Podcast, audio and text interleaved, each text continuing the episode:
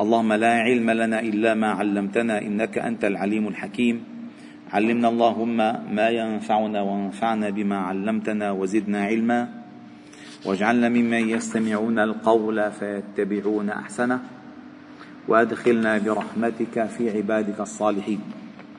اللهم اجعل هذا المجلس مجلس ذكر وفكر وتدبر وعبادة. تنزل فيه علينا سكينتك وتغشانا فيه رحماتك. وتحفنا فيه ملائكة قدسك وتذكرنا في ملأ عندك. سبحان الله والحمد لله. ولا إله إلا الله والله أكبر. ولا حول ولا قوة إلا بالله العلي العظيم. عدد خلقه ورضا نفسه وزنة عرشه ومداد كلماته. اللهم افتح أقفال قلوبنا لفهم كلامك وتدبر آياتك والعمل بمحكمك والإيمان بمتشابهك والدعوة إلى سبيلك والإخلاص لوجهك والاستقامة على أمرك واتباع نهج أنبيائك. اللهم افتح علينا أبواب الرحمة وأنطقنا بالحكمة واجعلنا من الراشدين فضلا منك ونعمة. ربنا اشرح لنا صدورنا ويسر لنا أمورنا واحلل عقد ألسنتنا ليفقه الناس قولنا وبعد بعون الله تعالى وتوفيقه انتهينا في المجلس السابق من سورة السجدة وقد ذكرنا السجدات التي ذكرها الله تعالى في كتابه وخضنا في بعض أسرارها وأنوارها. والله تعالى نسأل أن يعطينا ذخرها يوم يوم القيامة يوم نلقاه. وبعد هذه السورة نزولا نزلت سورة الطور. هذه السورة المكية كذلك. والتي عالجت ثلاث قضايا أساسية. آياتها تسع وأربعين آية. تسع وأربعون آية. فيها قضايا ثلاث أساسية. العقائد الإيمان بالله يعني اليوم الآخر والنبوة. وهي أساس الإيمان. أساس الإيمان. هذه أركان الإيمان. إيمان بالله واليوم الآخر والرسل. هذا أساس الإيمان.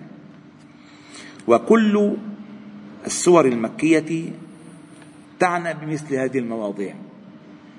فتكاد لا تخلو سورة مكية من معالجة إحدى هذه المواضيع أو المواضيع مجتمعة. المجتمعة. والسور المدنية تذكر بعناوين السور المكية. آمن الرسول بما أنزل إليه من رب والمؤمنون. كل آمن بالله وملائكته وكتبه ورسله. سورة النساء. يا أيها الذين آمنوا آمنوا بالله ورسوله والكتاب الذي نزل على رسوله والكتاب الذي أنزل من قبل. ومن يكفر بالله وملائكته وكتبه ورسله يوم الآخر فقد ضل ضلالا بعيدا. إذا تفاصيل قضايا الإيمان في السورة المكية وعناوين القضايا الإيمانية في السورة المدنية. تذكير بما سبق أن تعلمناه. لأن أول ما نزل من القرآن هو ذكر الإيمان وذكر الجنة والنار. التربية التربية الإيمانية الصحيحة. كما قالت أمنا عائشة حتى إذا ثاب الناس إلى الإسلام ودخلوا في الدين نزلت افعل ولا تفعل هذا حرام هذا حلال. ولو نزل أول ما نزل لا تشربوا الخمر ما تركها أحد. ما في إيمان ما في أرضية. فلذلك الدعاة إلى الله عز وجل بداية لا يشتغلوا بالنهي بالأوامر والنواهي مع الناس. ما بيستفيدوا.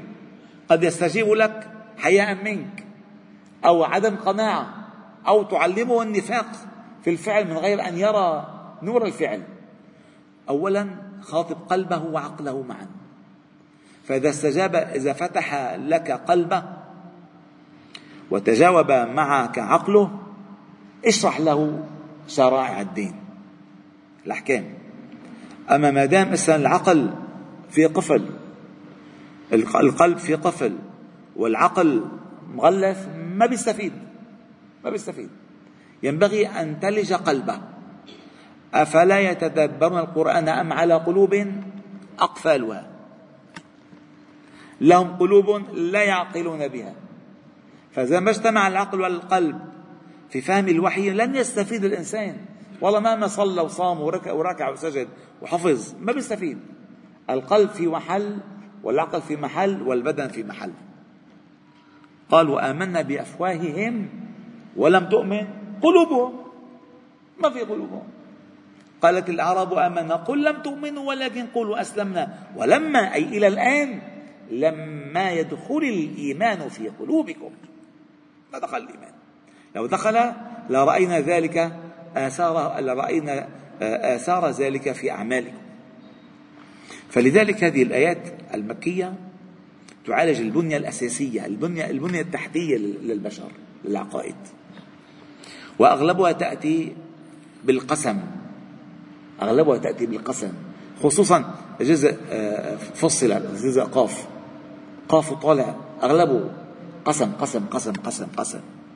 قاف والزاريات والطور والصافات والمرسلات كلها قسم. الآن هذه السورة افتتحت بمقسومات متعددة متنوعة وأتى جواب القسم عليها بجواب حاسم قاطع.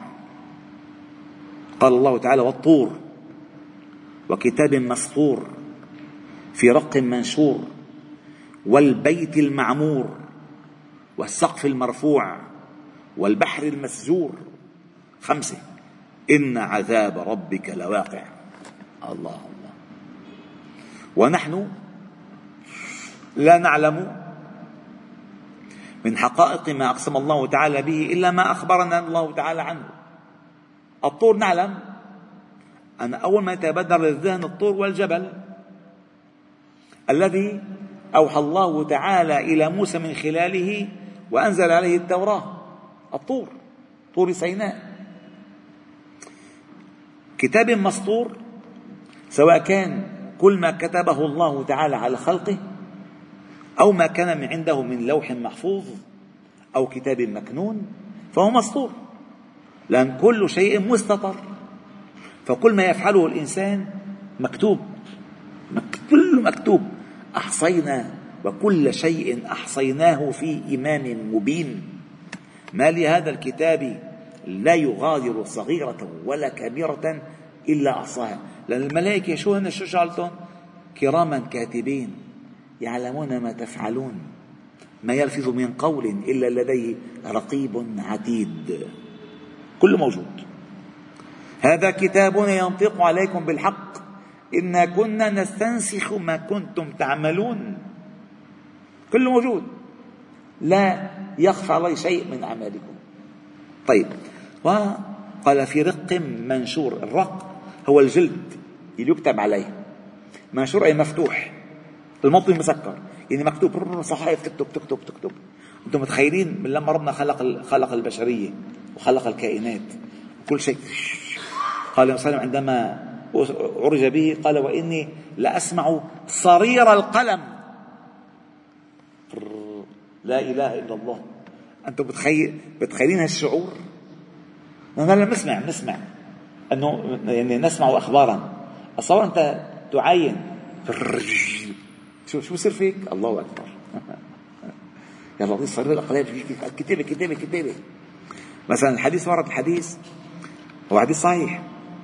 آه أن العبد إذا عمل حسنة كتبها الملك له عشر حسنات. عشر حسنات.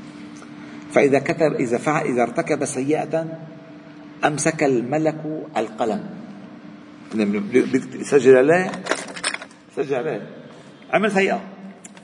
رفع القلم رفع القلم الملك ست ساعات. عله أن يتوب. فإذا تاب سجلها حسنة وإذا ما تاب كتبها سيئة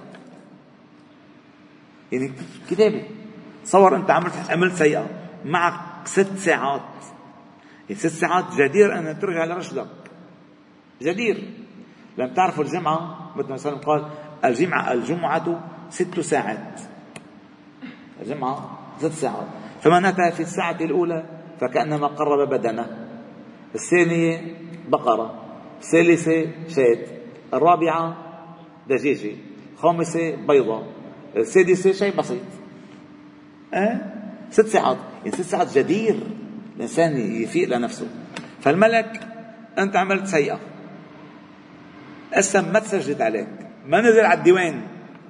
فإذا تبت منها القلم انتقل من هون لهون أنه هذا رجع سجل يا حسنة في أكرم من هيك؟ والله أبدا أبدا أبدا. وإذا عمله ما, ما تعب؟ حطوا عليه وحدة. وعنده عشرة مقابلة بتروح. إن على طول أنت الأرقام معك لا لا فقال في رق منشور والبيت المعمور. هذا البيت المعمور هو قبلة أهل السماء من الملائكة. وما خلق الله ولا ندري ما هم. وهي وهو حج الملائكة. كعبة الملائكة في السماء البيت المعمور والذي رأى النبي صلى الله عليه وسلم إبراهيم عليه السلام ساندا ظهره إليه. لأن الجزاء من جنس العمل. فإن إبراهيم عليه السلام رفع القواعد عن البيت.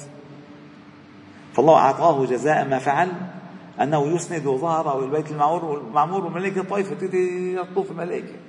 كل يوم يدخلوا كل يوم يدخل البيت المعمور سبعون ألف ملك لا يعودون إليه إلى يوم القيامة. كل يوم كل يوم. والملائكة مع مع الملائكة.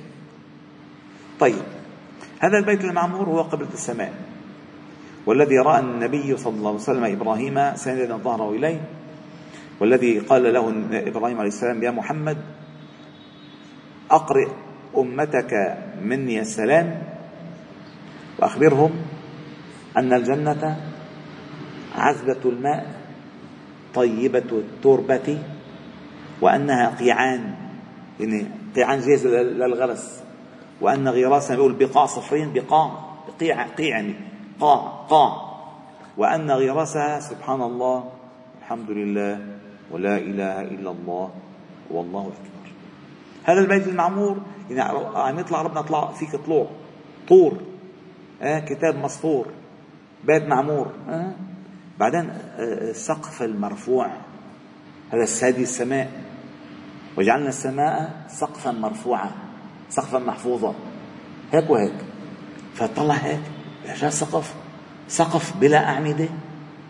كيف مين مين مين شايله؟ إن الله يمسك السماوات والأرض أن تزولا ويمسك السماء أن تقع على الأرض إلا بإذنه. سبحان الله. رفع السماوات بغير عمد ترونها. بغير عمد ترونها. فهذا السقف المرفوع. ثم قال والبحر المسجور. المسجور الذي تحول نارا النار تسجر والبحر يتحول يوم القيامة إلى نار تتأجج. تتأجج. هذه المقسومات الخمس. جواب قسمها إن عذاب ربك لواقع. الله يخبر. ما الذي ألجأ الله أن يقسم؟ حتى تحس. تحس أنت تهتز. ما له من دافع. يا لطيف. مثل ما ربنا قال في سورة المعارج. سأل سائل بعذاب واقع. للكافرين ليس له دافع. من الله ذي المعارج. وفي وقف جميل. سأل سائل بعذاب واقع للكافرين. ليس له دافع من الله. لأن الكافرين علينا من علينا. وليس دافع من الله. من الله ذي المعارج. تعرج الملائكة والروح إليه في الأيام فالله تعالى قال إن عذاب ربك لواقع ما له من دافع. ثم أتى وصف يوم القيامة. يوم تمور السماء مورا وتسير الجبال سيرا. هلا ما نبلش أول شيء نعطيكم صورة مجملة عن السورة. ف فقال فويل يومئذ للمكذبين الذين هم في خوض يلعبون.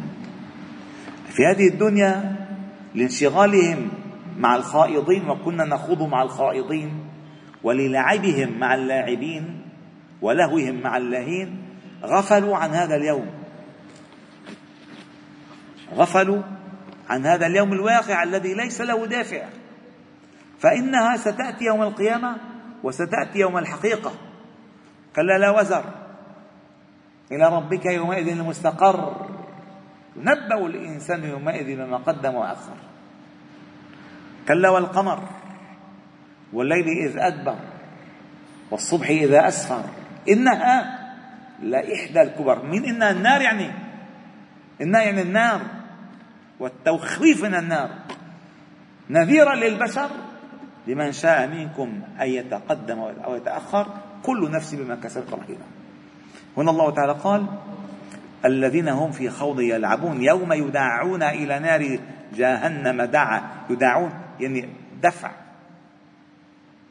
ويل آه، آه، أرأيت الذي يكذب بالدين؟ فذلك الذي يدع اليتيم. بعد بعد مني بعد من هون يدفعون دفعا إلى جهنم يا لطيف. يوم يدعون إلى نار جهنم دعا هذه النار التي كنتم بها تكذبون.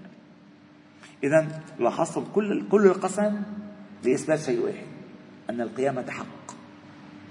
القيامة حق. هذه النار التي كنتم بها تكذبون أفسحر هذا؟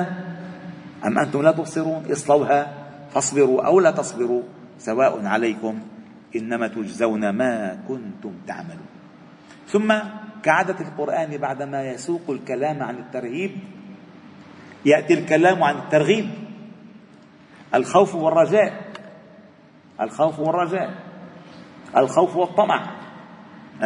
العقاب والثواب العذاب والنعيم.